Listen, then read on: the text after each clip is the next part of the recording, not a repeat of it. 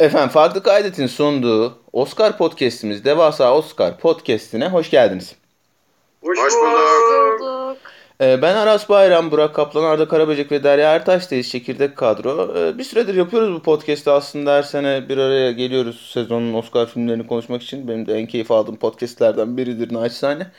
Ee, şöyle hani Oscar hangi kategoriyi kim kazanacak üstünden Oscar sezonunda bahsi geçen aslında filmlerin yaklaşık %90'ını falan konuşmuş oluyoruz vesileyle. Biraz uzundur efendim podcast'imiz. ikiye bölmeyi düşünüyoruz. Henüz başladık kaydı ama bu bölüm 1 olsun. Bölüm 1 diye girmiş olalım. Ee, bana bir iki tane bu arada şey geldi, mesaj geldi. Hani abi şey yapıyoruz. Yani dinliyoruz podcast'ı ama filmi filmleri izlemeden dinliyoruz diye. O yüzden böyle bir ufak film tanıtımı ya da bu izlenir mi izlenmez mi ya da işte film tavsiyesi gibi de olsun diyen e, dostlarım oldu. Onlar için de hani e, ufak tefek filmlerden bahsederken hafif bir açılış yapacağım ve izlenir mi izlenmez mi onu da konuşacağız. Spoiler'ı da mı vermemek lazım? Hayır spoiler yani hani şeyin podcast'in doğası gereği elbette spoilerımız da var. Onu da hani e, vesileyle belirtmiş olalım. Konuşacağım her filmin maalesef bir spoiler olacak. Ama bana yazanlar şey dedi yani hani spoiler mı spoiler umurumda değil. Sizi dinlemek için dinliyorum ama hani yani bize de böyle bir iki ufak en azından önden bir şey anlatırsanız diyenler oldu. Onu da belirtmiş olayım. Efendim normalde şey konuşmuyoruz pek. E, teknikleri konuşmuyoruz. Ama bir iki tane işte her sene konuşmak istediğimiz kategori çıkıyor. Sinematografi mutlaka konuşuyoruz. Oradan bir başlayalım çünkü burada başka bir yerde konuşmayacağımız bir film var. Adaylarımız Judas and the Black Messiah, Sean Bobbitt, Mank, Eric Messerschmidt, News of the World, Darius Wolski, Nomadland, Joshua James Richards, The Trial of the Chicago Seven ne alakaysa, Fidon Papa Michael. İsmi de saçma sapan böyle fake biz. Kesin birinin fake'idir bu. Fedon Papa Michael diye adam mı olur? Bizim Fedon herhalde bu. Zaten filmde öyle bir filmdi. Neyse ha. Evet efendim. Şimdi bu kategorinin e, gecenin çekişmeli kategorilerinden biri bu. E, Mank'le Nomadland biraz kafa kafaya gidiyor. E, bu iki filmin sinematografisi neden özel ve senin favorin hangisi ve hangisi kazanır? Burak senle başlayalım. Ee, yani şöyle baktığım zaman adaylara şimdi hakikaten şey görüyorum ya böyle bir e, Trial of the Chicago Seven niye var vesaire gibi bir, bir takım sorularım var o kategoriyle ilgili. Ee, tabii ki Mank'in bir takım böyle işte gerçekten işte e, Hollywood'un o döneminde geçiyor olması e, işte içinde Orson Welles barındırıyor bir dönem bir period drama gibi işliyor olması işte o look'u alması vesaire falan filan onu bir takım öne geçiriyor bence oradaki sinematografi özel bir sinematografi. O dönemi resmetmek için.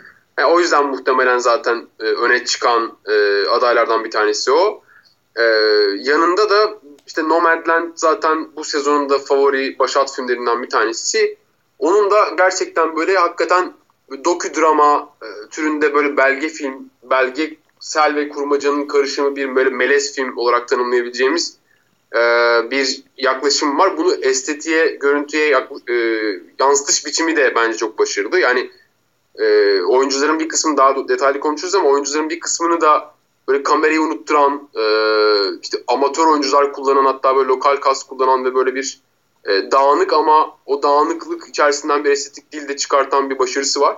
O anlamda zaten buradaki iki bence özel iş e, Mank ve Nomadland. Çünkü diğerleri birazcık hakikaten e, sanki zaten asgari olarak yapması gereken e, sinematografi yaklaşımını, sinematografi yaklaşımı sağlıyor gibiler e, diyerek ben başlayayım. Ya burada şey hani e, akademinin yıllardır takdir ettiği iki ayrı olay var iki ayrı filmde de aslında. E, biri siyah beyaz malum Mank. Tabii. E, akademi genelde uf siyah beyaz sinematografi hele bir de işte sağa sola öbür tekniklere falan aday olduğunda en iyi filme falan aday olduğunda e, genelde sinematografide görür o filmleri. E, Nomadland'in de hani yani en önemli artısı yine akademinin sıklıkla takdir ettiği bu doğal ışık işi. Yani çok fazla doğal ışık kullanılmış. İşte zaten hani o Amerika'nın uçsuz bucaksız coğrafyasını kendine ev edinmiş bir kadının hikayesi bu. Ve o uçsuz bucaksız coğrafyayı da hani en iyi, en doğal, en yalın şekilde anlatmanın hali e, doğal ışık. Bu doğal ışık, siyah beyaz işi neden zor, neden takdir edilir Arda bize bir anlatır mısın? Ya, siyah beyazın takdir edilmesi bence look olarak insanların hoşuna gidiyor biraz. Halbuki şeydir, e, siyah beyaz hataları kapatmak için çok idealdir. Yani e, exposure'da bazı hataların varsa black yani e, siyah beyaz kullanırsan görüntünü çok daha rahat kapatırsın. Yani color yapmak daha zor iştir yani. Color'lı film çekmek daha zordur aslında. Biraz da aslında doğal ışık orada giriyor işin içine. Çünkü doğal ışıkta çok fazla değişken var senin kontrolünde olmayan. Dolayısıyla o görüntüleri birbirine match etmen gerekiyor. Birbiriyle uyumlu şekilde çekmen gerekiyor ve öyle kurgulaman gerekiyor. O biraz daha zor bir iş. Ee, düşük ışıkta çalışıyorsun. Düşük ışıkta çalıştığın için fokus devamlı kaçar zaten. O fokusu kaçırmamak için özen göstermen gerekiyor. O anlamda özel bir iş. Ee, doğal ışık çok daha dertli bir şey çalışması için. Ee, hatta neydi Leonardo DiCaprio'nun Revenant Revenant'taki mesela or, oranın sinematografisinin e, tabii ki kamera work'ü de çok iyi. Kadrajları, kamera kullanımı da çok iyi ama asıl e, övülmesinin ve efsane olmasını o anlamda o filmin genel olarak sevmem ama bir nedeni de doğal ışığı muazzam kullanıyor olması. Çok doğru saatler seçmiş olması. Ben Mank'in ışık kullanımını e, e, siyah beyaz kullanımını çok beğeniyorum. Sinematografisi de çok iyi. Zaten birebir aynısını yapmamışlar Citizen Kane'le. Citizen Kane look'una benziyor ama birebir aynısı değil. Gene bir farklılığı var.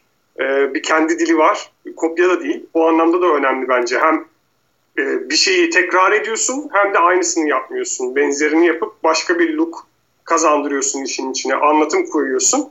Dolayısıyla Menk'i ben burada daha siyah beyaz daha kolay dememe rağmen Menk'in e, film olarak daha çok beğendiğim için Menk'in e, look'unu tercih ederim gibi geliyor. Bir de galiba ilk filmi şeyin uzun metrajı görüntü yönetmeninin. Evet öyleymiş ya. İlk, ilk görüntü yönetmenliği tecrübesi de böyle, böyle bir şey olmamalı yani. o olmamalı. Karşı çıkıyorum. o yüzden de o, e, takdir ettim kendisini. Ee, başka yerde konuşamayacağımız dediğimiz filmde News of the World. Onu da hani ufakça anlatayım. Ee, Western zamanı Amerika Birleşik Devletleri'nde kasaba kasaba gezip gazete okuyan ve işte oradaki kasaba halkıyla cebelleş olan bir adamın hikayesi. İşte bir yolculuk hikayesi.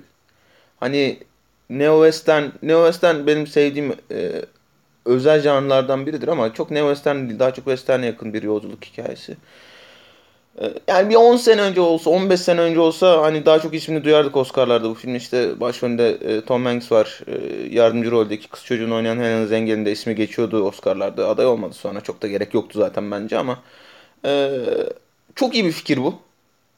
İşte Tom Hanks de zaten taşıyor şeyi, filmi.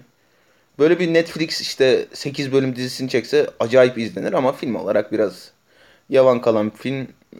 Biraz işte o dönemin politikasına teğet geçen, onlarla çok ilgilenmeyen ama politik bir duruş sağlamaya çalışan bir film.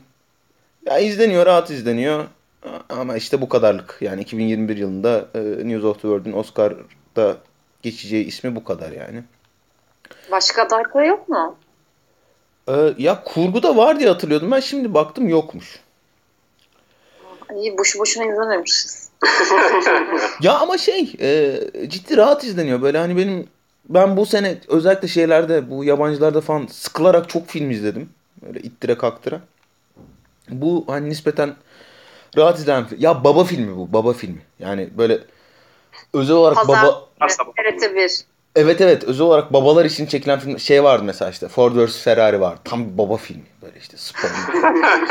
Burada da işte şey adam kız çocuğuyla şey mutlu oluyor, geziyor falan. Güzel ya hoş yani.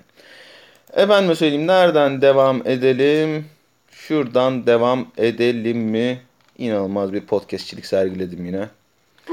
Ee, en iyi uyarlama senaryodan devam edelim.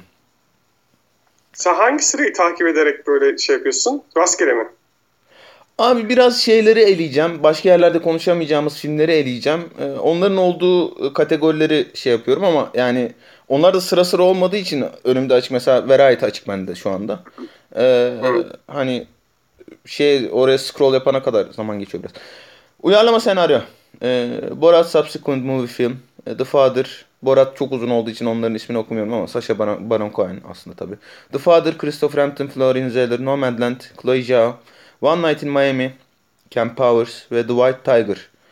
Ramin Bahrain. The White Tiger izlediniz mi? Evet ben izledim. Nasıl buldun İzliyorum. Burak White Tiger'ı?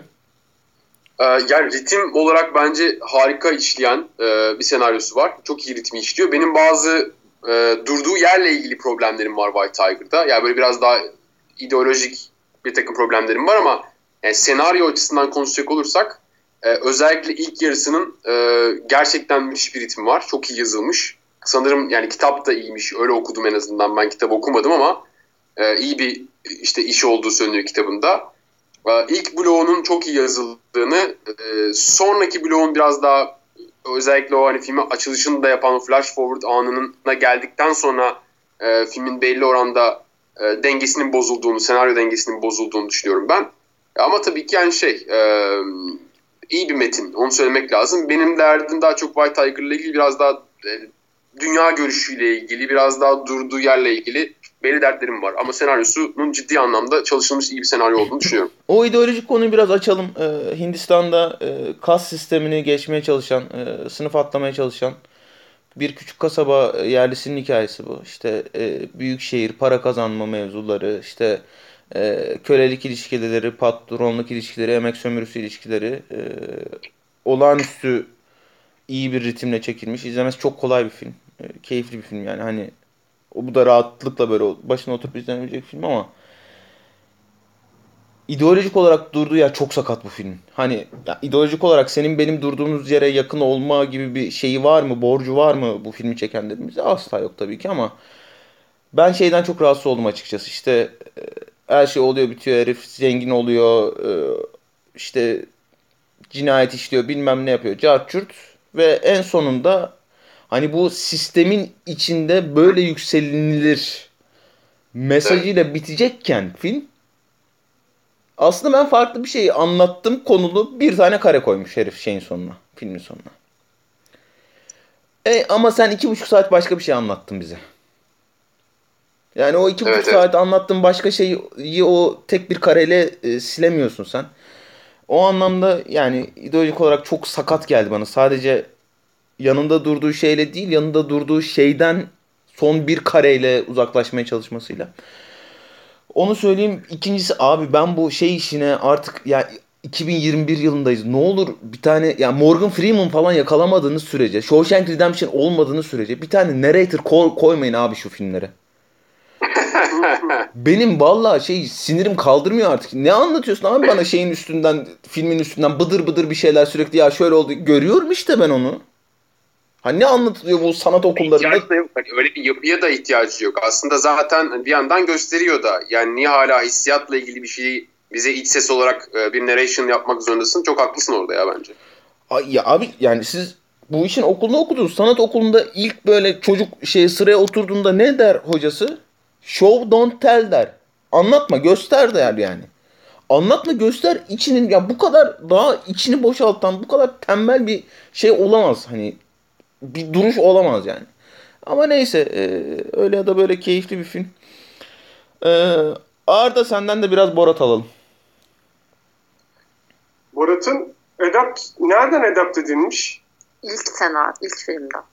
Aynen ya öyle. o biraz tamam ilk filmden de yani sonuçta adapted o anlama geliyor mu ya? Mesela Star Wars'un ikincisi şimdi adapted mı olacak? Evet abi. Bildiğim kadarıyla e, akademinin kuralları gereği eğer bir sequel çekiyorsan, bir devam filmi çekiyorsan e, onu şeyde yarıştırıyorsun. Uyarlama senaryoda yarıştırıyorsun. İlginçmiş. Ya ben kesinlikle Borat'a herhangi bir e, ödül ya da herhangi bir adaylık vermezdim açıkçası. Bu konuda e, benimle anlaşmayacak çok insan olduğunu biliyorum. Borat seven çok olduğunu da biliyorum. Ben ilk filmini beğenmiştim. İkinci filmi de bence izleniyor gayet güzel, eğlenceli. Ama ilk filmin yanına yaklaşamıyor. Bunun birkaç tane sebebi var. Bir tanesi de Sacha Baron Cohen'in e, o karakterin, Borat karakterinin biliniyor olması şu anda. Yani Amerika'da Borat o kadar ünlü ki adam kafasında kese kağıdıyla bir yere yürüdüğünde tanınıyor. Yani o, o noktaya gelmiş durumdayız. Sonuçta bu da e, özgünlüğünden alıyor götürüyor. Dolayısıyla ben de inanmıyorum izlediğim şeye. Çok daha scripted geliyor. Bir önceki sanki daha e, gerçekten insanları kandırarak yapılmış bir şeyken daha düşük bütçeli bir işken burada sanki daha e, film gibi bir durum var. Film gibi gözükmeye çalışmayan bir film var. Ve bunu hissettirdiği için ben rahatsız oluyorum açıkçası. Evet siyasi mesajı güçlü. Benim umurumda mı Türkiye olarak? Bana ne yani Trump'tan yani. Ya peki bu kadar. Trump ağırlıklı bir film olmasaydı sizce aday olur muydu? Asla olmazdı. Ama o onu birbirine ayıramazsın. Yani hani e, dönüştürdüğü, yaptığı, değiştirdiği veya karşısında durduğu şeyden soyutlayıp ben birazcık hani Borat öyle ondan bağımsız değerlendirebileceğim bir iş olarak görmüyorum. Ya görmemeliyiz gibi de düşünüyorum. Yani çünkü tam olarak saldırdığı kurum, saldırdığı yer orası olduğu için ya filmi değerli kılan yer de orası. Ya bu şey gibi ben filmi işte film, filmin finalinden bağımsız değerlendiriyorum. Bunu yapmamış gibi düşüneceğim e, demek gibi bir şey gibi geliyor bana. O yüzden hani beraberler, ayıramayız gibi geliyor bana. Ama sadece bütün değerini de o veriyorsa orada bir sıkıntı oluşuyor. Ya ama oradan bir değer yaratabiliyorsan yani ne Ha, bileyim Bana yaratmadı işte. okey yani ona bir şey diyemem ama hani oradan bir değer yaratabiliyorsan bence onu da başarıyor. O, yani Amerika'nın o böyle kutsallarına Amerika'nın bize satmaya çalıştığı, dünyaya satmaya çalıştığı belli değerlere e, çok iyi saldırıp e, onları böyle hakikaten e, bir şekilde kanırtabiliyor orayı. E, ifşa edebiliyor diyeyim daha doğru kelime herhalde. O yüzden de ben başarılı bir iş olduğunu düşünüyorum ama senaryo anlamında e, bir başarıdan bahsetmiyorum burada tabii ki. Yani yanlış anlaşılmasın. Arda bu e, Borat'ı hiçbir dalda aday göstermezme şey dahil mi? Maria Bakalova dahil mi? Dahil tabii ki canım. Hı. Abi şöyle şu olay şu. Senin bütün derdin be- beni izleyici olarak gösterdiğin şeye inandırmaksa ve ben bir saniyesine bile inanmıyorsam bu filmin e, orada başarısız olmuş oluyorsun her anlamda. Hı, sen film anladım anladım. Okey tamam. Ya ben şey e, akademinin işte malum hani korku filmleri ve komedi filmlerine her zaman bir uzak durma işi vardır. E, böyle onları tanıdığında da çok niş işte belki senaryoda hele hele şeyse orijinal senaryo, orijinal senaryo kategorisinde. Genelde de işte ne bileyim şey Kuzuların Sessizliği falan hariç çok fazla sağda solda görmeyiz. Ya Borat hani ben ilkine de ikincisine de aynı yaklaşım. Yani senin dediğin çok doğru halbuki ama e, benim çok bayıldığım bir şey tarzda değil o. Komedi tarzda değil ama hani o zamanın Borat'ının da bu zamanın Borat'ının da nerede durduğunun ve bunun hani bir eleştiri kültürü açısından öneminin oldukça farkındayım. Ama hepsinin ötesinde akademinin yavaş yavaş bu komedi korku filmlerini tanıyacağı anlamına geliyorsa bu gelmiyor olabilir Borat'ın durduğu özel yer sebebiyle. Anlamına geliyorsa e, Borat'ın aldığı adaylıklarla ve belki alacağı ödülle ya da ödüllerle çok bir derdim yok açıkçası. Efendim burada iki tane yani Nomadland burada da ben bu arada şeyi söylemeyi unuttum. Sinematografide ben Nomadland'ın kazanacağını düşünüyorum. Ve Nomadland'e de verirdim ben bu arada. Burada da Nomadland e, ağır favori gibi görünüyor. Ee, şunu da söyleyeyim yani hani e, biz dinleyip bahis alan da oluyor biliyorum. Bahis alacaksanız Türkiye'de yasak yur- yurt dışından alıyorsunuz. Ee, benim sürpriz beklediğim yerlerden biri burası. Ee, The Father'ı başka bir yerde konuşmak istiyorum. Az sonra konuşacağız zaten. Hemen şimdi konuşuruz muhtemelen.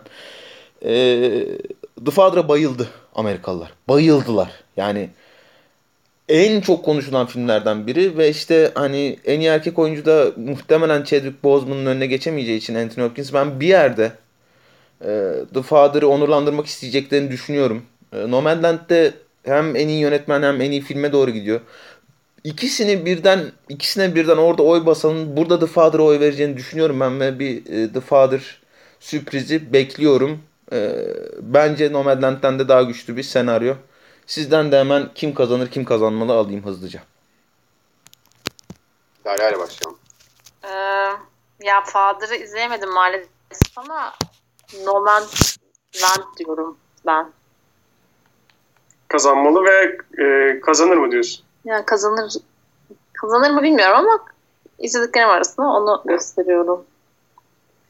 Ben e, Father'ın, ben de bayıldım bu arada. Amerikalılar bayılmış. Ben de bayıldım Father'a. Senaryo olarak da inanılmaz güçlü. Nomadland için de aynı şeyi söyleyebilirim. Gerçekten hem e, senaryosu da çok güçlü. Çok da iyi uyarlanmış. Zaten filmi izledikten sonra kitap gibiydi dedim. Kitapmış meğersem gerçekten. Bu arada hani bu tabii iyi ya da hak ettiğini gösterecek bir şey değil ama işte kitap olduğunu görünce bir gazetecinin aslında haberi ol, haberi miydi? gazeteci. Yani Kendisi gerçekten hani şey gibi sonra böyle benim kafamda öyle oturdu. Böyle Amerikalıların haber yazma dili vardır ya. Hani resmen böyle filmde sonra şey hissediyorsun. Böyle kayıt tuşuna basılmış gibi. Hani ara ara gidip hikayeler anlatıyorlar ya. Hı. Ya Bilmiyorum, benim filmin hoşuma zaten en acayip başarısı o ya. Çok, yani her şeyle çok doğal görünüyor film. Evet. Dolayısıyla burada ben de kararsızım ama ikisi de alsa benim için okey. Father'ı ama Father daha yakın zamanda izlediğim için sadece daha yakın zamanda izlediğim için sanırım ee, bu dalda ödül ben de verebilirdim. Burak? Yani ben de tabii Arda'ya katılıyorum. Yani Father'ın senaryosu Nomadland'ın senaryosu da ayrı yerlerden çok ayrı meziyetleri olan iki senaryo. Ee, benim gönlüm biraz daha Nomadland'dan yana. Father kazanırsa da kesinlikle üzülmem ama Nomadland'ın ben şeyleri seviyorum. Yani şöyle e, senaryoları seviyorum. Yani yazılmamış gibi duran, e, son derece ince bir yerden böyle bağlanan, son derece doğal, organik duran e, yazımları seviyorum. Show off yapmayan bir şekilde hani kendini göstermeye, e, bol bol konuşmaya, işte e, ben nasıl harika bir metnim demeye çalışmayan işleri seviyorum. Sade işleri seviyorum. O yüzden hani Nomadland'e daha yakınım.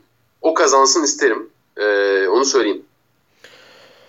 Ee, The Father'ı biraz daha detaylı konuşmak için kurgu kategorisine geçiyorum. Burada çok merak ettiğim bir şey var çünkü.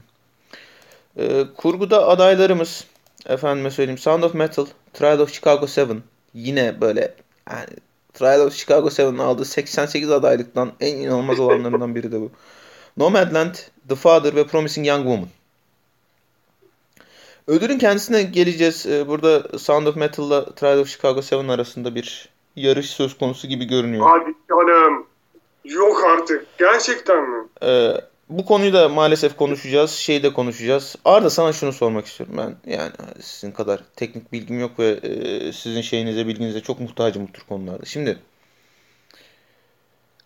kurgunun filmin kendisiyle en içli dışlı olduğu, en sinema anlatısına katkı yaptığı film bunların arasında The Father değil mi? Kuşkusuz. Ama Evet, e, The Father'ın senaryosunda var kurgusu.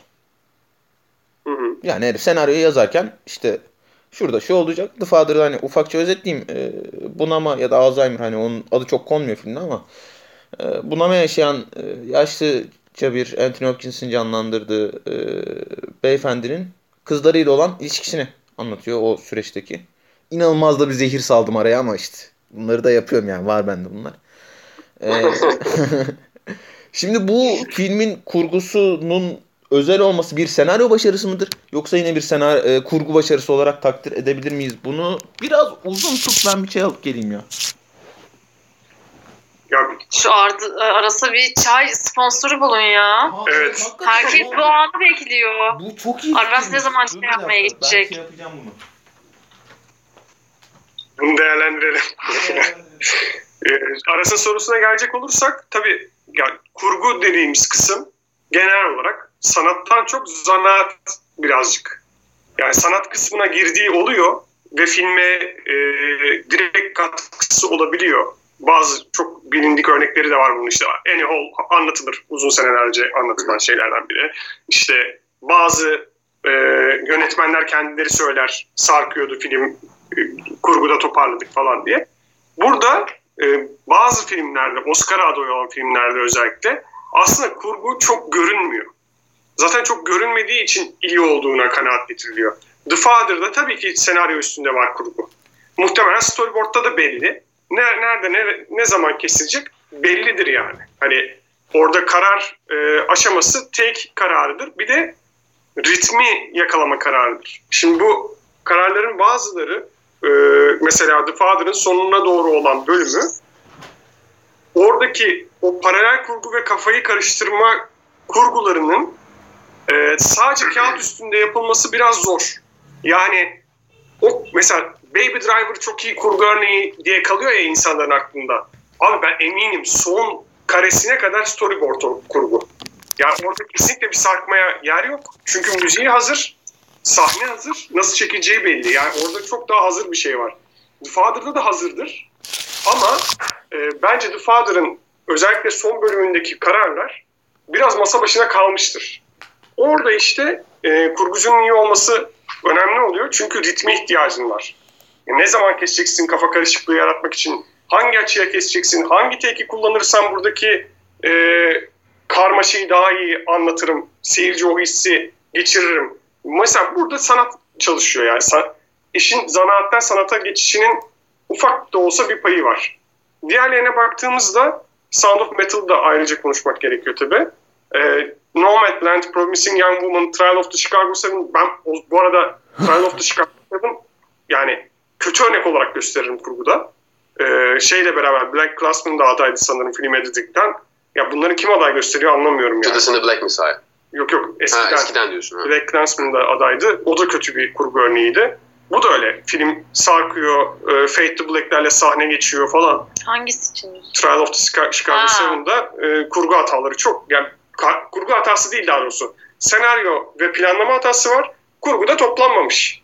Yani dolayısıyla şey, sorguya e, izin vermemiştir belki. izin vermemiştir. Tabii ki izin vermemiştir. Hani orada kurgucuyu suçlamıyorum Kurguyu da o yapmıştır. Kurgucu, kurgucuyu suçlamak değil derdim burada. E, yani bir aday olması için gerekli hiçbir şey yok. Onu demeye çalışıyorum. Kısaca böyle. Aday olması için gerekli olması kısmı şöyle. Ee, akademi şeyi çok seviyor. Kurgu masasında çok durmuş filmleri çok seviyor. Trial of Chicago 7 belli ki o Fade to Black'lerden belli zaten. Çünkü o hani son çaredir her zaman sinemada kurgu için. Çünkü inanılmaz bir kopat yani o artık son çaren yani. yani hiçbir şey beceremedin onu yaparsın. Değil mi? Yani. Ee, şeyi de Bohemian Rhapsody'yi de o, o şekilde aynı o şekilde aday gösterip e, bir de üstüne üstlük şey vermişlerdi. Korkunç bir kurgusu olmasına rağmen filmin. Çünkü işte malum e, yönetmen bırakıyor, Bryan Singer bırakıyor, işte film bitiren yönetmen geliyor, işte farklı farklı parçalar oradan buradan sahneler, işte kurgu masasında çok bakın biz bundan bile nasıl film çıkardık. Oscar'ı vermişler. Trial of Chicago 7'da biraz öyle bence. Ee, Sound of Metal'dan da bahsedelim. Burak e, bu filmin kurgusu özel mi? Sonra da şeye geçersin. Kim kazanır, kim kazanmalıya geçersin. Yani kurgu tabii yani Arda'nın uzmanlık alanı. Ben de çok böyle e, tamamen Arda'nın sesi çok uzaktan geldi. Gitti herhalde bir yere o yüzden sonra attım. yok geldi geldi şu an yani burada hep buradaydı hiç gitmedi. yani Sound of Metal hani kurgu özelinde konuşmayayım ama hani gördüğüm anladığım kadarıyla konuşayım çünkü kurgu çok uzmanlık alanım değil benim e, editing meselesi.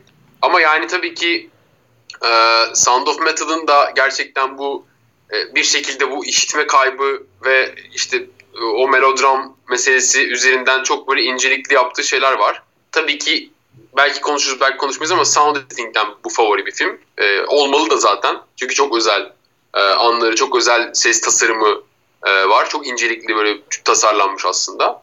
E, karakterin işitme kaybını neredeyse izleyiciye e, hissettiren zaman zaman da çıkması gerektiği yerlerde e, dışarı çıkıp bir şekilde durumun kendisine bizi yabancılaştıran falan böyle bir e, seçimleri var. Kurguda neyse özel bilmiyorum. Dolayısıyla orada belki hani Arda'ya tekrar söz vermek lazım. Çünkü ben hani evet ya bir Trial of the Chicago 7 kurgusu gibi bir böyle bir dağınıklık görmüyoruz. Ee, ama hani özellikle Father kadar böyle bir e, ana karakterin, protagonistinin e, içsel dünyasını bir şekilde kurguda karşılığını bulmuş bir şey bilmiyorum. Ben açıkçası bir şey görmedim. Öyle o orada haklısın. Kesinlikle e, Father'la aynı kefede değil ama iyi bir kurgusu var. Hı hı. Orada da aslında şunu yapıyor. Sound of Metal'da da senin e, hissiyat olarak yaşadığın hissiyatı ekranda görmeni sağlayan özellikle sound editing Evet, ama e, editing de var işin içinde. hı. O yüzden bence Sound of Metal kıymetli ama sound, sound'dan daha e, ön, ön planda olabilecek bir film. Ee, bence burada Sound of Metal kazanacak bence The Father kazanmalı. Madem e, kurgusu senaryosunda hatta storyboard'unda olmasına rağmen kıymetli. O zaman burada görülmesini isterdim ama görülmeyecek gibi görünüyor. Enteresan. E, Trial of Chicago 7 zaten hani teknik olarak komple kötü bir film. Çok kötü yönetilmiş bir film her şeyin ötesinde. Ee, nesi özel Trial of Chicago 7 zaten anlamadım ama onu konuşacağız sen herhalde. Senaryoda konuşuruz. Efendim en iyi yardımcı hanım oyuncu.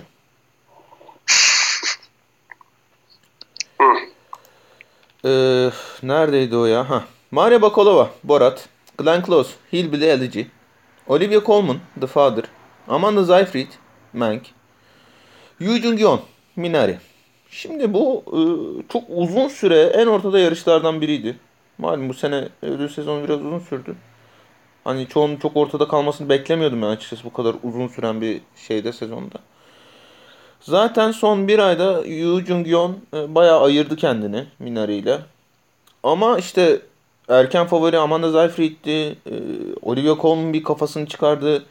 Glenn Close işte malum hani yıllardır e, alması gereken Oscar'ı alamıyor ben yani. O her sene bir aday olmuyor mu ya? Hep bir Glenn Close var yani her yıl. Ya şöyle bu sene de alamazsa e, en çok Oscar adaylığı olup kazanamayan e, oyuncu olacak. Hiç, hiç mi almadı? Hiç almadı. Yazık. Kim favori? Abi şöyle yani Yu Jung-yeon favori olarak görünüyor çünkü işte e, en son şeyi BAFTA'yı yok. Altın Ha, altın BAFTA küre- altın komik küre-. Evet evet böyle inanılmaz bir konuşma yaptı falan. Ee, çok seviyor da millet. İşte hani bu o Oscar So White şeyinden sonra muhabbetinden sonra ya işte hep beyazlara aday yapıyorsunuz. Beyaz oyunculara şey veriyorsunuz muhabbetinden sonra da e, azınlıklara doğru bir kayış var özellikle akademinin e, oy veren profilinin de değişmesinden sonra. Valla be- benim kafam karışık. Şimdi The Father başka iki oyuncunun elinde çok kötü yerlere gidebilirmiş. Çok kötü yerlere gidebilirmiş. Yani böyle e, buram buram acayip yani çok acayip duygusal bir film zaten de. Hani e, ya böyle ağlamalı, sızlamalı, hönkürmeli, sümüklü, böyle aşırı oyunculuklu falan bir yere gidebilirmiş. Dolayısıyla hani castingini de çok takdir etmek gerekiyor. Zaten Florian Zeller şey e, karakterin adını Anthony koyarken hep Anthony Hopkins'i düşünmüş. Yani e, yılların senaryosu The Father. Florian Zeller tiyatro için yazmış. Tiyatro oyunu. E, hep Anthony Hopkins varmış kafasında. Ve yıllar sonra Anthony Hopkins işte geri dönmüş ya çekelim bu filmi falan diye. Onun üstüne çekmişler. Ki yani yani herif inanılmaz şov yapıyor. E, Olivia Colman da hakeza yani başka bir oyuncunun elinde o yani eyvah eyvah olurmuş o film. Olmamış. Olivia Colman gayet iyi idare etmiş. Amanda Seyfried e, Mank'in oyuncu olarak parlayan yıldızı.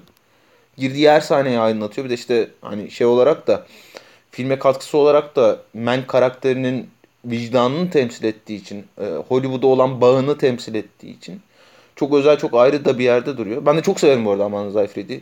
E, yıllarca daha böyle işte e, popüler dediğim diyeceğimiz filmlerde daha böyle işte gişe filmlerinde oynadı ama iyi oyuncudur bence. Maria Bakalova işte malum yani Arda'nın bahsettiği konu burada önemli ya. İşte Sacha Baron, Baron Cohen'i herkes tanıyor. Hani dolayısıyla o ilk filmdeki organikliği bulamadım ben diye. Maria Bakalova'nın durumu tam tersi. Maria Bakalova'yı kimse tanımadığı için o biraz daha ra- rahat hareket etmiş ki o filmin sonunda işte Rudy Giuliani'yi kandırmaları işi e, Amerikalılar tarafından çok takdir edildi. Onun da şansı var. E, Glenn Close işini konuştuk. Jung-yeon da ya çok fazla benim yani şurada en hani Glenn Close'u bir kenara bırakıyorum. Korkunç kötü bir film çünkü Hill Village. Yani bu sene izlediğim en kötü filmlerden biri benim Tenet'la birlikte. Ee, Glenn Close Glenn Close olduğu için aday olmuş burada. Onu bir kenara bırakıyorum. Yu Jung-yeon da hani ya çok biraz örneklerini fazla gördüğümüz bir işte anneanne baba, nine nine rolü oynuyor. İşte böyle e, daha aykırı duran işte o çok geleneksel olmayan ve işte çocuklarla iyi anlaşan, iyi anlaşmaya çalışan, onların dilini anlamaya çalışan nine rolünde. Hani ya çok sempatik tabii ki de benzerlerini çok gördüğümüz bir rol. Benim kafam karışık burada. Ben Aman Seyfried'e verirdim. Ama sanırım Yu Jung-yeon kazanacak. Ee, Burak sen ne diyorsun? Ya ben de Amanda Seyfried'i çok sevdim Mank'te. Yani oyuncu olarak da severim ben onu. Yani ilk defa gerçekten kendi böyle öne çıkabileceği çok iyi yazılmış, e, iyi dizayn edilmiş, iyi tasarlanmış bir filmin içinde önemli bir rolde görüyor olmak da e, hoşuma gitti açıkçası. Çünkü yani gerçekten böyle bir takım e, tuhaf aksiyon filmlerinde şu, şurada burada da görmeye başlamıştık. Hani kariyeri biraz kötüye gidiyordu e, gibi geliyor. Dolayısıyla çok sevdim oradaki performansını da. E, benim favorim bu kategoride e, sana katılıyorum. Yani iki, çok başka iki oyuncunun elinde başka rollere dönüşecek, başka bir filme dönüşecek e, bir malzeme olduğu için benim favorim kesinlikle Oliver Colman. Hatta şöyle söyleyeyim Oliver Colman bence e, yani döneminin en yetenekli, en e, biricik oyuncularından bir tanesi bence. E, pek çok işini seyrettik televizyonda da işte son dönemde işte Lantimos'un filminde de vesaire. Gerçekten e, bir şekilde karakteri bürünebilen, her rolün altından inanılmaz bir inandırıcılıkla kalkan bir kadın oyuncu kendisi. O yüzden de ben yani Olivia Colman'ın almasını burada isterim. Glenn Close'a gelecek olursak da ben Hillbilly Elegy'yi izlemedim ama fragmanı seyrettim. Abi Ee, aman. Aman. Evet yani o yüzden de şey dokunmadım yani neyle karşılaşacağım aşağı yukarı bildiğim için e, aşırı karton e, geldi. Bana birazcık o böyle Oscar bileşenlerini içeren bir şey tasarlayalım kaygısıyla çok hesaplı kitaplı yapılmış bir iş gibi geldi. Tabii işi izlemeden bunları söylüyor olmak da belki yanlış ama e, yani daha zaten fragmandan böyle bir aşırı oyunculuk, aşırı yüksek oynama gibi bir e, durum seziliyor. O yüzden de hani bunu da belirtmiş olayım. Benim favorim burada Olivia Colman. Arda? Valla Olivia Colman'ı izlemek çok keyifli tabii. Ama şunu söyleyeyim. Ya bunların hiçbirini tutkuyla desteklediğimi söyleyemem bu adaylardan. Yani tutkuyla şimdi be- beğenmedim anlamına gelmesin ama işte niye bu olacak, bu almazsa geberirim falan ama tutkuyla almamasını istediğim bir insan var. O da Minare'deki e, kadın. Yani zaten o film nedir öyle? Konuşuruz herhalde. en iyi film e, kategorisine gelince ama yani Çağınırmak burada harcanıyor. Harcanıyorsun abi git ya Hollywood'da. Yeşilçam'ı seyrettin mi? Belki seyret, belki de kötü bir iş çıkarmıştır. Bilmiyorum. Yeşilçam, Yeşilçam'dan bir farkı var mı ya şunun? İzlemedik daha. İzlemedik de yani. Ne kadar farklı olabilir? Ee, babam ve oğlumu gitsin çeksin orada. Belki Yeşilçam daha iyidir ya. Daha iyidir belki evet. Bilmiyorum. Hadi bakalım. Ne diyorsun Derya sen hangisini beğendin? Ya ben Father'ı izlemedim ama eminim Olivia Colman fazlasıyla hak ediyordur. Oliver Colman tişörtü evet. Ee, Derya çok böyle üzülürüm ağlarım diye mi izlemedin? Evet. Küçük kalbim buna dayanmaz. Ya yani şey demek Ya isterdim yok ağlamazsın izleyebilirsek. ağlamazsın izle demek isterdim ama yani özellikle son sahne çok fena ya. Ya Ya- şu aralar hele hiç yani böyle bir zamanda hiç istemem öyle bir şey izlemek. Ben yani Father'ı izledikten sonra e, yaklaşık bir 4-5 gün falan film seyredemedim. O yüzden de böyle panzer olsun diye Marvelous Mrs. Maisel falan açtım. Bir sezon bitirdim falan yani. Böyle başka hafif bir şeyler izleyeyim diye bunu yapmak durumunda kaldım yani. Ee, evet efendim neredeyiz dur bakalım şimdi. 40. dakikaya gelmişiz tamam çok güzel. Dümdüz devam ediyorum. En iyi erkek oyuncu. Nasıl? Efendim? En iyi Erkek oyuncu. erkek oyuncu. Ee, Ma Rainey's Black Bottom, Chadwick Boseman.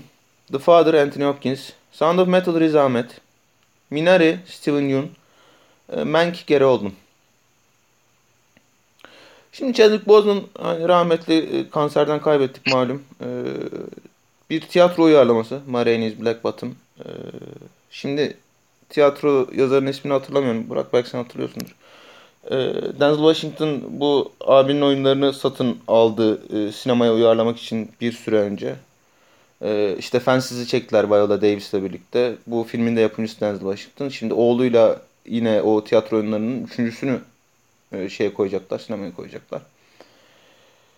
Çok yani hani e, eleştirildi bu film ama ben inanılmaz keyif alarak izledim. Keyif alarak izlememin sebeplerinden biri de Chadwick Boseman. Yani Şimdi şeyi konuşacağız. Ben az sonra bir aktivite yapacağız bu konuyla ilgili ama hani ya aranızda en az birinin şey diyeceğine ben eminim. Abi Anthony Hopkins'in oynadığı top varken Chadwick Boseman hak etmiyor bunu diyeceğine eminim.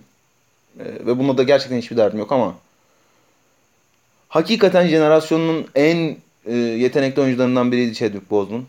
Ve işte e, çok böyle etrafında dolaştığı için biraz o işlerin. Ee, akademi özelinde çok da fazla takdir gören bir oyuncu olmadı. Şov yapmış.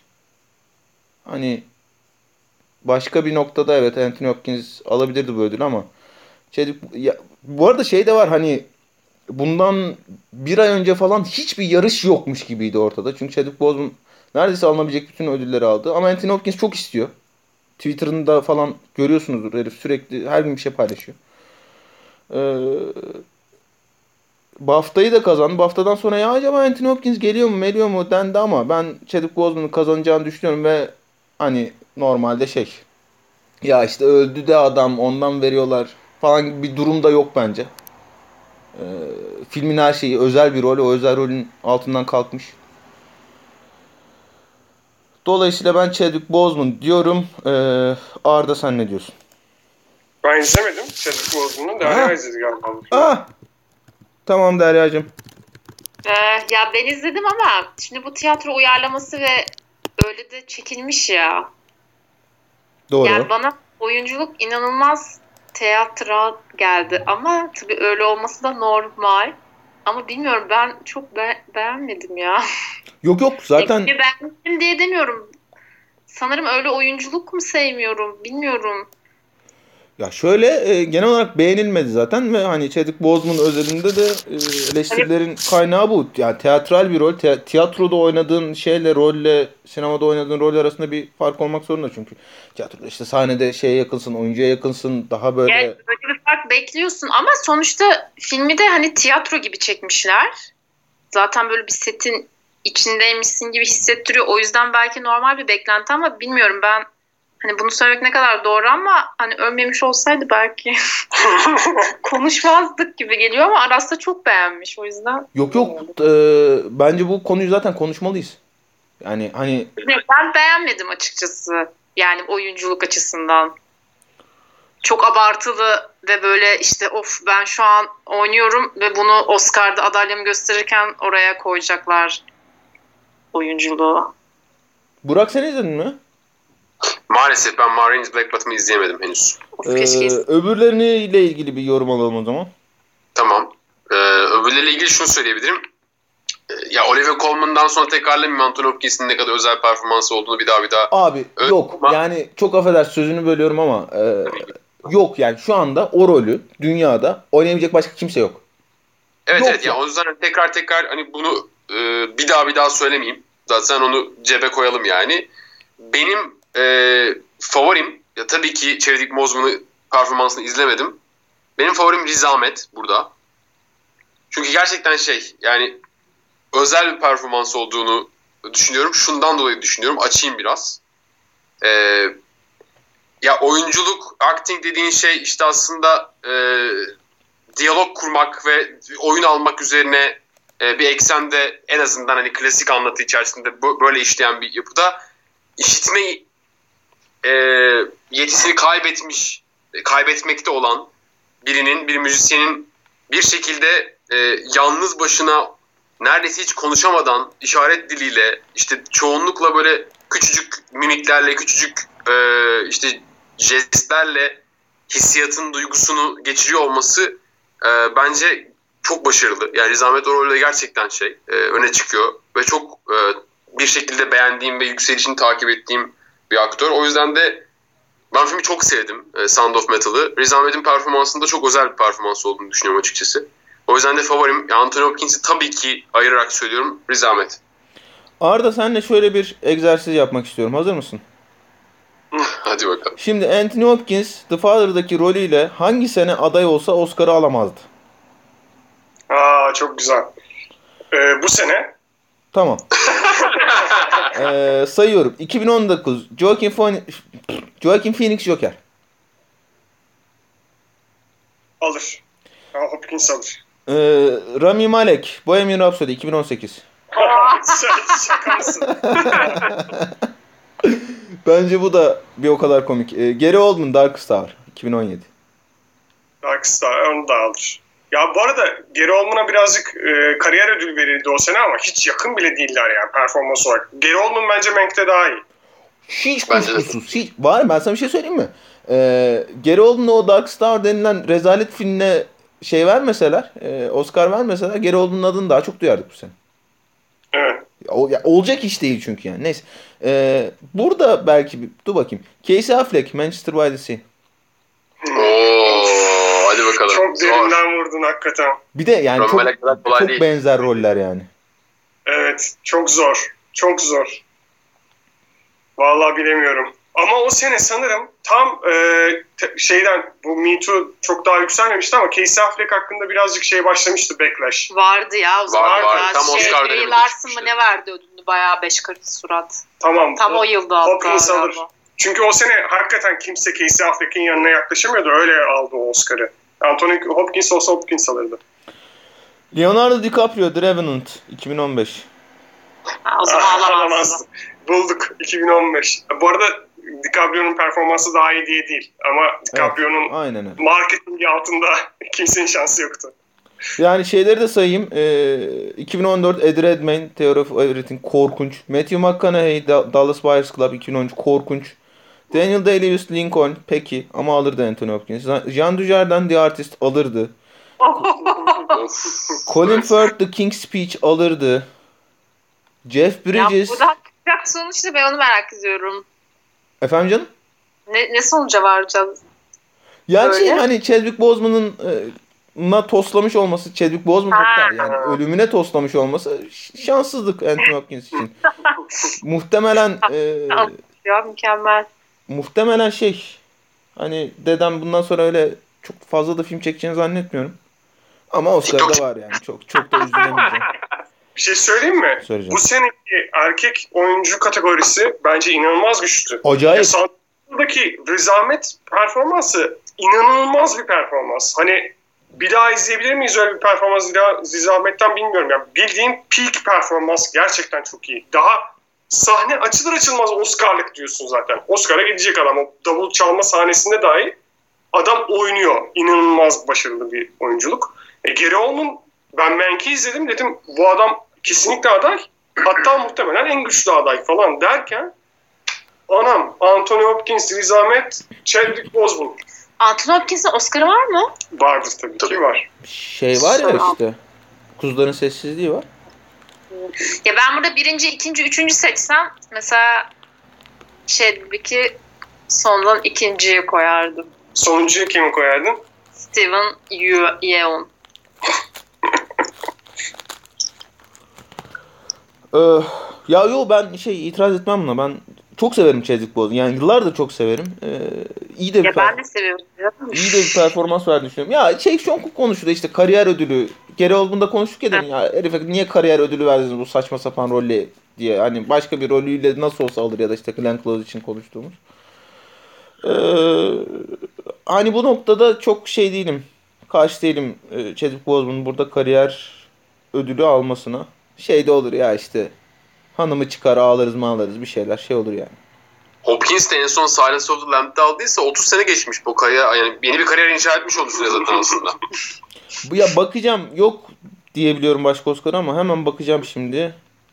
Ee, hemen bakabilmem için normalde başka bir kategori atmam gerekiyordu ama şunu bir ben toparlayayım. Belgesel filmleri ee, bunlar sizde yok herhalde. Ben hızlıca sayayım.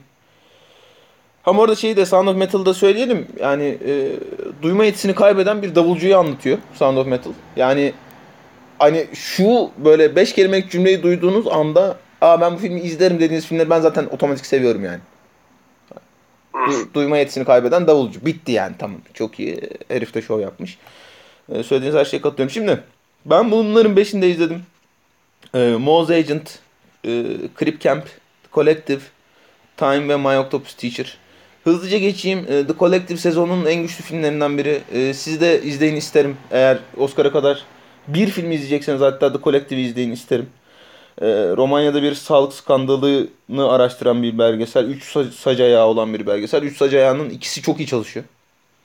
O trajedinin e, mağdurlarından birini takip ediyor. O trajediyi soruşturan bir e, gazeteciyi takip ediyor. O ikisi olağanüstü, olağanüstü çalıştırmış. Özellikle hani mağdurun mağduriyetinden hiç kaçmayan, e, onu o işte disfigürasyonu şeyle close-up'larla, extreme close-up'larla hiç seyircinin gözünün gözünü kaçırmasına şey yapmayan ve mümkün olduğu kadar e, doğal sesle hiç anlatıcı olmadan falan e, yansıtan bir iş çıkarmış. Ora, oralar çok özel. Gazeteci izlerken diyorsunuz ki zaten yani Allah bu dünyanın belasını versin. Orası inanılmaz iyi çalışıyor. E, Sağlık Bakanı'nı takip ettiği yer biraz şey. PR çalışması. Ee, yani biraz rahatsız edici. Hani normalde çok çok daha güçlü bir film olabilirmiş eğer oralar olmasa. Ee, iki sene önceki Honeyland gibi bir sene önce miydi? Tabii pardon geçen seneydi.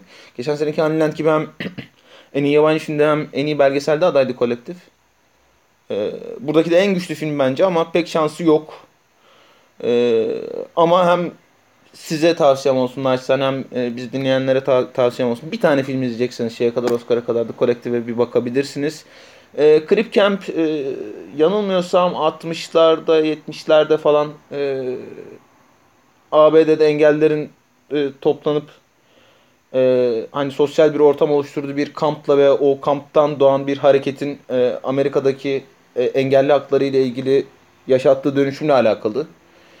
Biraz e, yaya kalmış e, belgesel maalesef. Hani daha çok o kamptan bir hikayeler çıkarmak isterken yönetmen, o kamptan çıkan biri kendisi de zaten. O kamptan hikayeler çıkarmak isterken benim anladığım kadarıyla çok fazla malzeme bulamayınca işte biraz e, sivil aktivizm işine gitmeye doğru çalışmış. O kısımları çok yavan kalmış. İnanılmaz özgün hikayeler, inanılmaz çok daha hani böyle e, etkileyici, orijinal hikayeler çıkabilecekken bana öyle geldi yani yanılıyor olabilirim tabii ki ama e, o aktivizm kısmına doğru gidince orayla ilgili çok da bir fikri olmadığı için filme girerken e, oraları biraz kısa kalmış. Mouse Agent e, Şiri filmi ben yabancı filme de aday olmasını beklerdim. E, bir dedektiflik bürosuna giden bir kadın huzur evinde yaşıyor annesi. Huzur evinde annesine kötü davranıldığını düşünüyor. Bir dedektiflik ajansına gidiyor. Dedektiflik ajansı da o şeye e, huzur evine casus olarak yaşlı bir adam gönderiyor. İlk yarısı inanılmaz komik filmin. Hani neredeyse böyle koyanvari bir e, mizah yakalamışlar ve onun üstünde çok güzel oynuyorlar hakikaten. İkinci yarısı tahmin edebileceğiniz üzere biraz daha duygusal. iyi de bağlamışlar filmi. Çok güzel bir yerden bağlamışlar. E, izlemesi çok keyifli film ama onun da hiç Oscar şansı yok. Time e, Amazon'da var bu. Crip Camp'te şeyde var bu arada. Netflix'te var. E, Time işte banko sayan e, eşinin hapisten çıkmasını bekleyen bir kadın hikayesi. Filmin sonu olağanüstü. Olağanüstü. Yani hani ben bir çok zorlana zorlana izledim. Çok ittire ittire izledim filmi. Sonu olağanüstü. Hani o zaman mefhumuyla o ilgili derdini, e, neler kaçırıldığıyla, hayatın nasıl aktığıyla, hayat akarken, zaman akarken neleri kaçırdığımızla ilgili olağanüstü bir sekans çekmişler. Ama hani bu bir belgesel değil de kısa belgesel olarak çok daha iyi işleyecekmiş. Ama işte yaklaşık 20 yıla e, yayılan bir arşiv görüntü olduğu için ellerinde hani uzun belgesel yapmak istemişler. Çok doğal olarak o az buz bir arşiv değil çünkü. Bu filmden keyif almanız için biraz şeye ikna olmanız gerekiyor. Hani ya evet ben bu insanların tarafındayım. Keşke hapisten çıksaymış noktasına ikna olmanız gerekiyormuş ama hani biraz sıkıcı bir film bu. Son sekansına kadar gelirseniz e, çok güçlü sonu. Ama ben bayılmadım Time'a. Bir de bu abi, My Octopus Teacher abi. Bunu, bunu izlemediniz mi My Octopus Teacher'ı? Yok hayır. Abi bu yani tövbe yarab ya. Bir adam dalıyor malıyor böyle. Dalarken malarken bir tane ahtapotla arkadaş olduğunu düşünüyor. Aa bunu ağlıyor musun çok o mu? Derya'cığım ben yani gülerken altıma sıçtım bu filmde ya. Herif tutturmuş. Bu ahtapot benim arkadaşım oldu. Her gün iniyor denize. Bu ahtapot benim arkadaşım oldu. Bir de kamera sokmuş denize. Aa bak beni burada bekliyor diyor. Her gün başka bir yere gidiyor. Aa diyor ben Ha beni bekliyor bu burada diyor her gün. Ya beklemiyor seni. Bırak herif yaşasın orada ya. Manyak.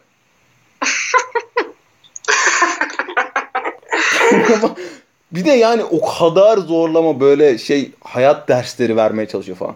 Ben bu ahtapotla arkadaşlığım süresince e, oğlumla işte oğlumla kötü olan ilişkilerimi de düzelttim falan. Ulan dalayarak denizde ahtapotla vakit geçireceğine oğlunla az vakit geçirsen zaten düzelecek oğlunla ilişkin. Neyse o zaman bu, herif ahtapot. İlk pazarlamışlar ya herkes onu çok öve öve bitiremedi. Ya zaten şey bu hani e, Mart geçen sene Mart'ta mı ne Netflix'te yayınlanmış bu ve hani hiç böyle Oscar Oscar hiçbir şey e, konuşulmuyorken böyle Netflix'te minicik minicik minicik minicik büyümeye başlamış. Şu anda da inanılmaz favori. Acayip kazanacak falan. Çok saçma. Saçmaymış gerçekten. Böyle bir şey en son bir köpek balığı geliyor. Şeyi takip ediyor. Ahtapotu yiyecek yani köpek balığı. İşine yiyecek. Adam da diyor ki şey bütün belgesel boyunca işte Ahtapot benim şöyle arkadaşım oldu, böyle arkadaşım oldu yani. Adam şey diyor. "Cık, Yok diyor ben diyor dağın düzenine karışmak istemedim o yüzden şey yapmadım. Aralarındaki, Ay. aralarındaki kavgaya karışmadım falan diyor. Ulan desene köpek balığı geldi götüm götüm tırstım kaçıyorum ben diye. Ahtapotun aynı ahtapot olduğunu anlıyor ama. Tabii Ben- tabii arkadaşlar çünkü. Şey zannediyor. Ahtapot götüm götüm kaçıyor bundan her gün. Diyor ki yok diyor geldi bana kamerayı görünce geldi bakın el sallıyor falan diyor. Ulan gözüne sokmuşsun ahtapotun kamerayı ne yapsın? Neyse. Saçma sapan ve maalesef kazanacak. Ne olur izlemeyin bunu ya.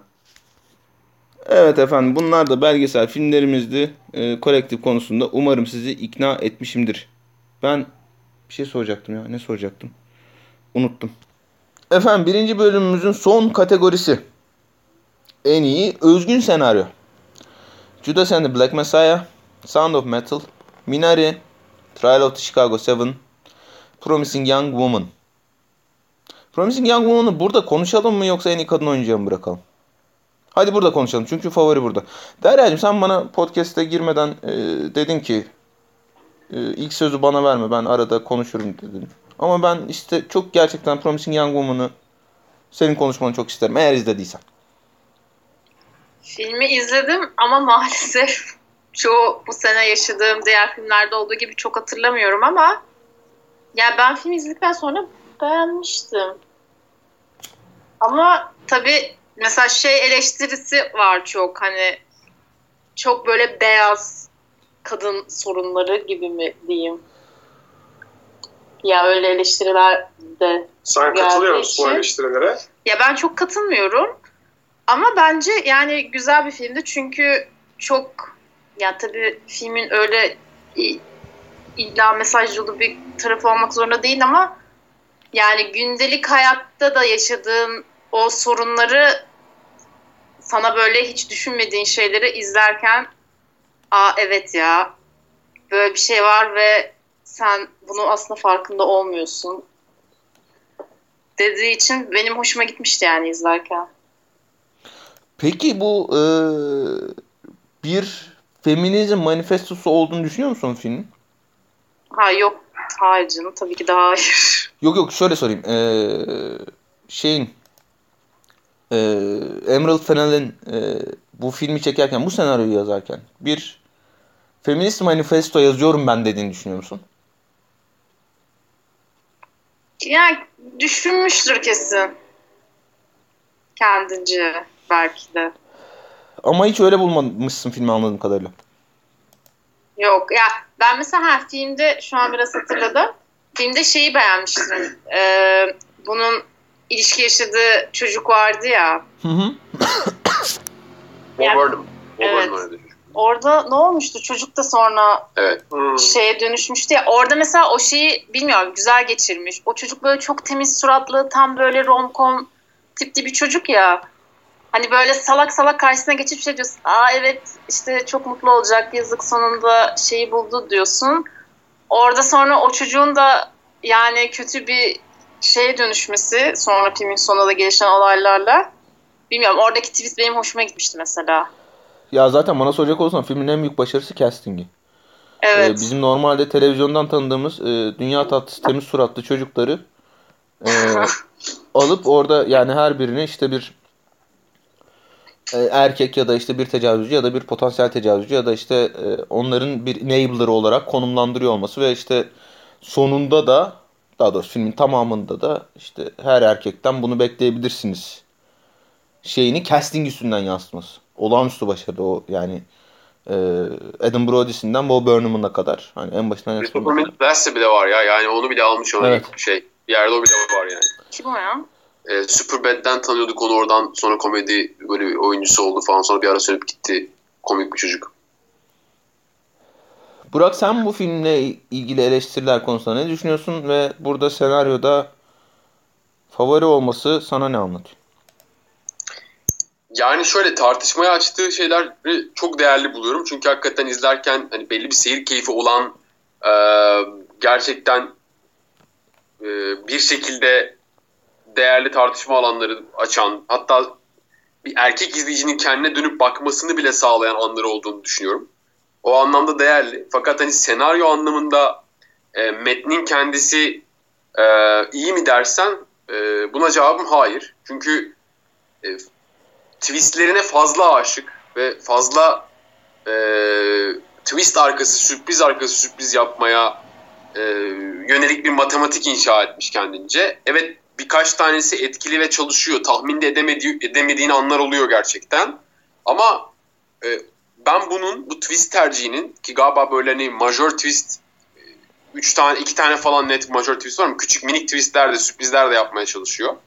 Ee, bunların bu oyunun bu oyuncaklı senaryonun ben aslında metnin kendisine ve anlatmaya çalıştığı şeye zarar verdiğini düşünüyorum. Çünkü e, bir şekilde tamam seyircinin e, ilgisini diri tutayım hevesin var. Fakat zaten aslında çok değerli, çok e, tartışmaya açık bir meseleyi ele alıyorsun. E, ve zaten onlara ihtiyacın da ne kadar var bilemiyorum. O, bu oyuncaklı yapıyı ben sevmedim. E, sonda zaten o twist meselesinin artık hani, hakikaten böyle suyunu çıkartıyor. E, finaldeki twist'e doğru gittiğimizde. Artık onu e, filmi yani o twistler ve o böyle inandırıcılık sorunu filmin anlattığı meselenin ne kadar gerçek olmasıyla ilgili bir tezatlık oluşturduğunu düşünüyorum. Aslında meselenin e, değerli tarafını yitirtiyor, kaybediyor. Oraya kan kaybettiriyor gibi geliyor bana. Öyle söyleyeyim. O yüzden de e, Promising Young Woman muhtemelen bu kategoride alacak. E, ama ben senaryosunu iyi bulmadığımı söyleyebilirim. E, böyle başlayayım söze. Arda sen problematik buldun mu filmi? Özellikle e, feminist okumacılar bayağı karşısında yer alıyorlar filmin. Bunun sebebi ne olabilir acaba? Onu onlara sormak lazım. Bilmiyorum. Yani şimdi bu konuda e, feminist okuma üzerinden açıkçası benim uzmanlık alanım değil. Bilmiyorum gerçekten neden e, sıkıntı yaşamışlar, neden yaşamışlar. Söylersen belki üstüne bir şey kendim ekleyebilirim. Ya ben filmle ilgili genel değerlendirmemi yapayım yani. Benim de elbette uzmanlık alanım değil. Asla öyle bir iddiam yok da. Ee, film belki şuradan başlamak lazım. Kadın intikamı filmleri artık bir janr olarak, güçlü bir janr olarak e, önümüzdeki döneme damgasını vuracak. O belli. Hani e, işte benzerlerini de gördük bu sene. İşte Netflix'teki I Care A Lot çok kötü bir metin olsa da belki benzer bir noktada olabilir. Koç bir film. ee, bir, bir tane ha şey vardı işte e, İngiliz bir korku filmi vardı. Adını hatırlamadım şu anda falan. Yani bu bu janr e, günümüze çok uygun olması da gereken, yapılması gereken e, bir tür bence. O türün önemli örneklerinden, çıkış noktalarından biri olacak bu. Ama yani doğum sancısı mı demek lazım. Şey de öyle bu arada. E, az sonra konuşacağımız Vanessa Kirby'nin oynadığı film Piece of a Woman da biraz öyle. Ee, buradaki esas kaygı şeyden başlıyor. Hani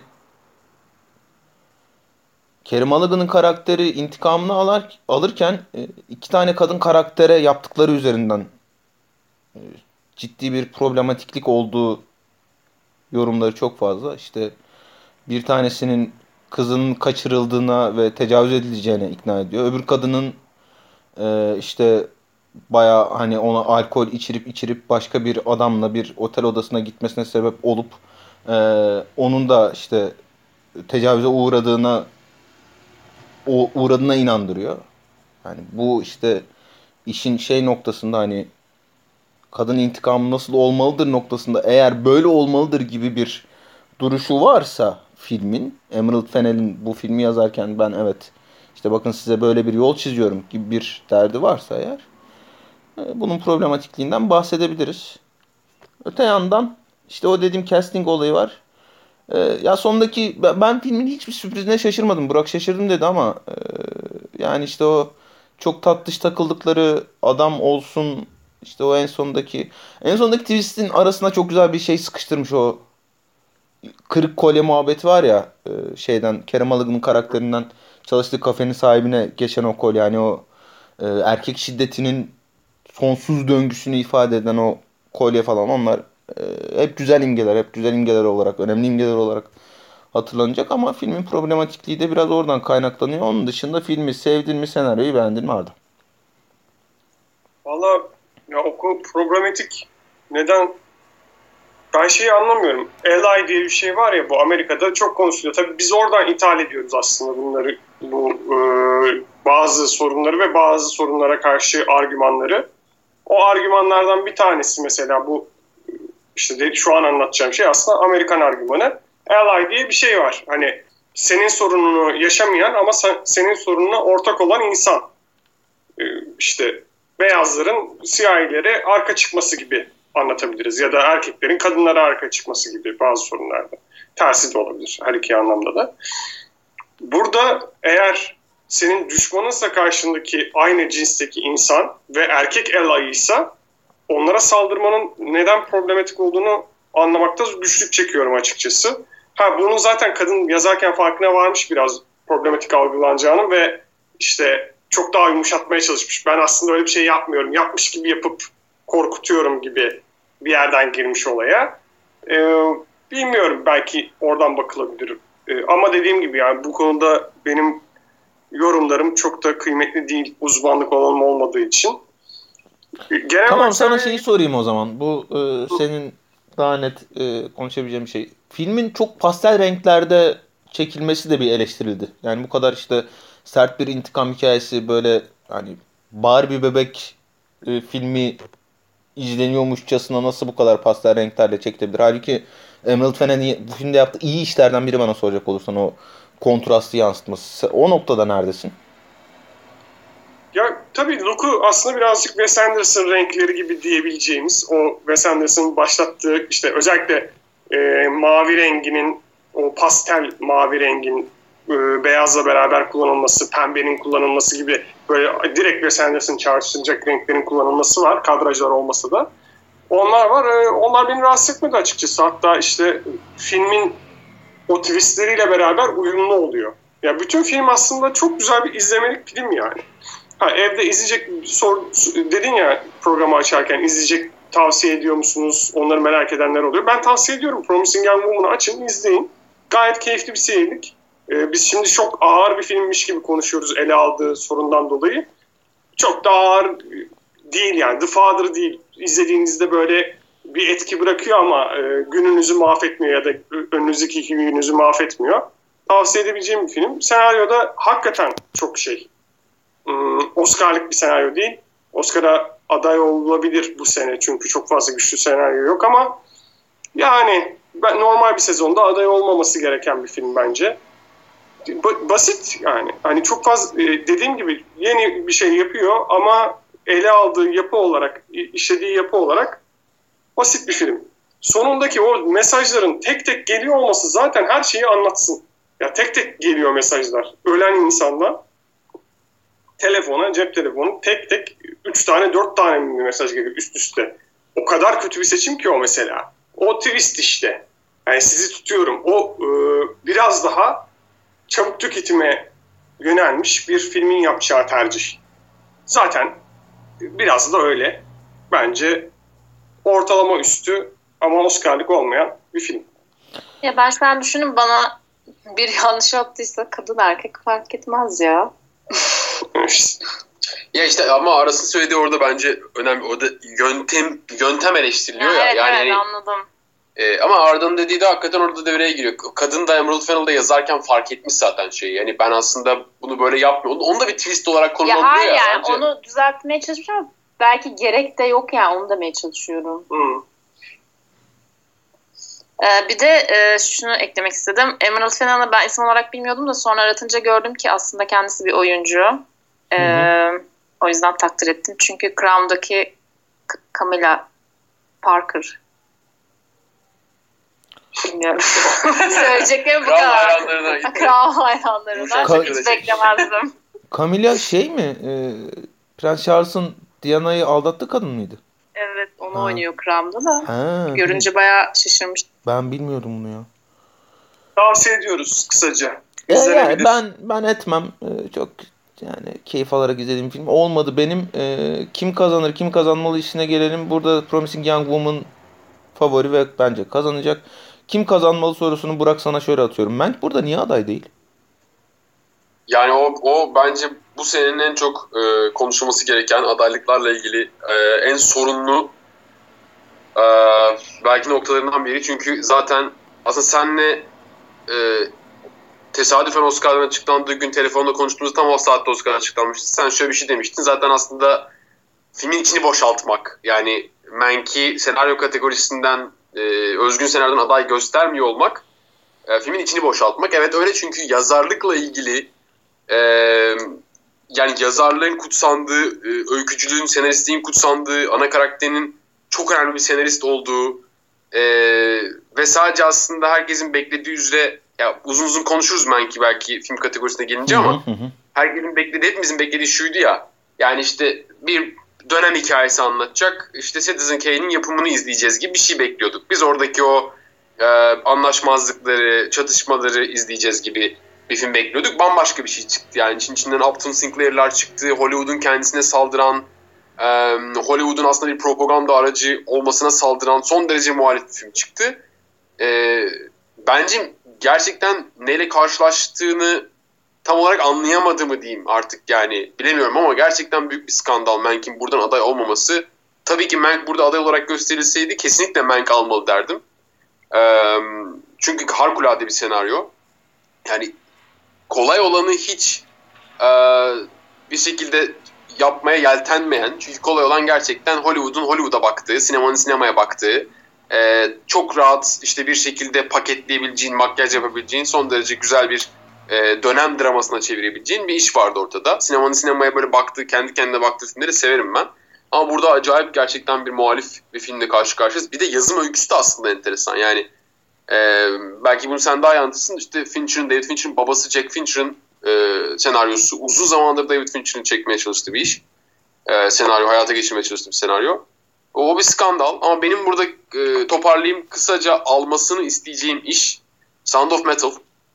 E, çünkü gerçekten melodrama kayabilecek, e, sulu göz olabilecek, e, bir şekilde e, seyircinin duygularını manipüle etmek, onu ağlatmak, onu hislendirmek için yapılabilecek, kolaylıkla yapılabilecek her türlü hamleyi elinin tersiyle iten e, çok sade bir senaryo olduğunu düşünüyorum Sound of Metal'ın. Ee, Arda ve Derya siz kime verirdiniz bu ödülü? Böylece birinci bölümü de sonlandırmış olacağız devasa Oscar podcastimizde. Hmm, Ben de Sound of Metal diyorum. Sound of Metal bir de yakın bile değil yani diğerleriyle. Arasında iki kafa falan fark var. Ee, ben de Mank diyorum efendim. Birinci bölümümüzü böylece tamamlıyoruz. Ee, iki, ikinci bölümümüz Mank aday değil tabi bu arada ama yani ben olsam Mank'e veririm. Ee, ikinci bölümümüz Cuma akşamı. Cuma akşamı. Cuma akşamıydı değil mi lan? Yarın ne vardı ki? Cuma akşamı. Cuma akşamı yayınlanacak. Ee, görüşmek üzere. Hoşçakalın. Hoşçakalın. Hoşçakalın.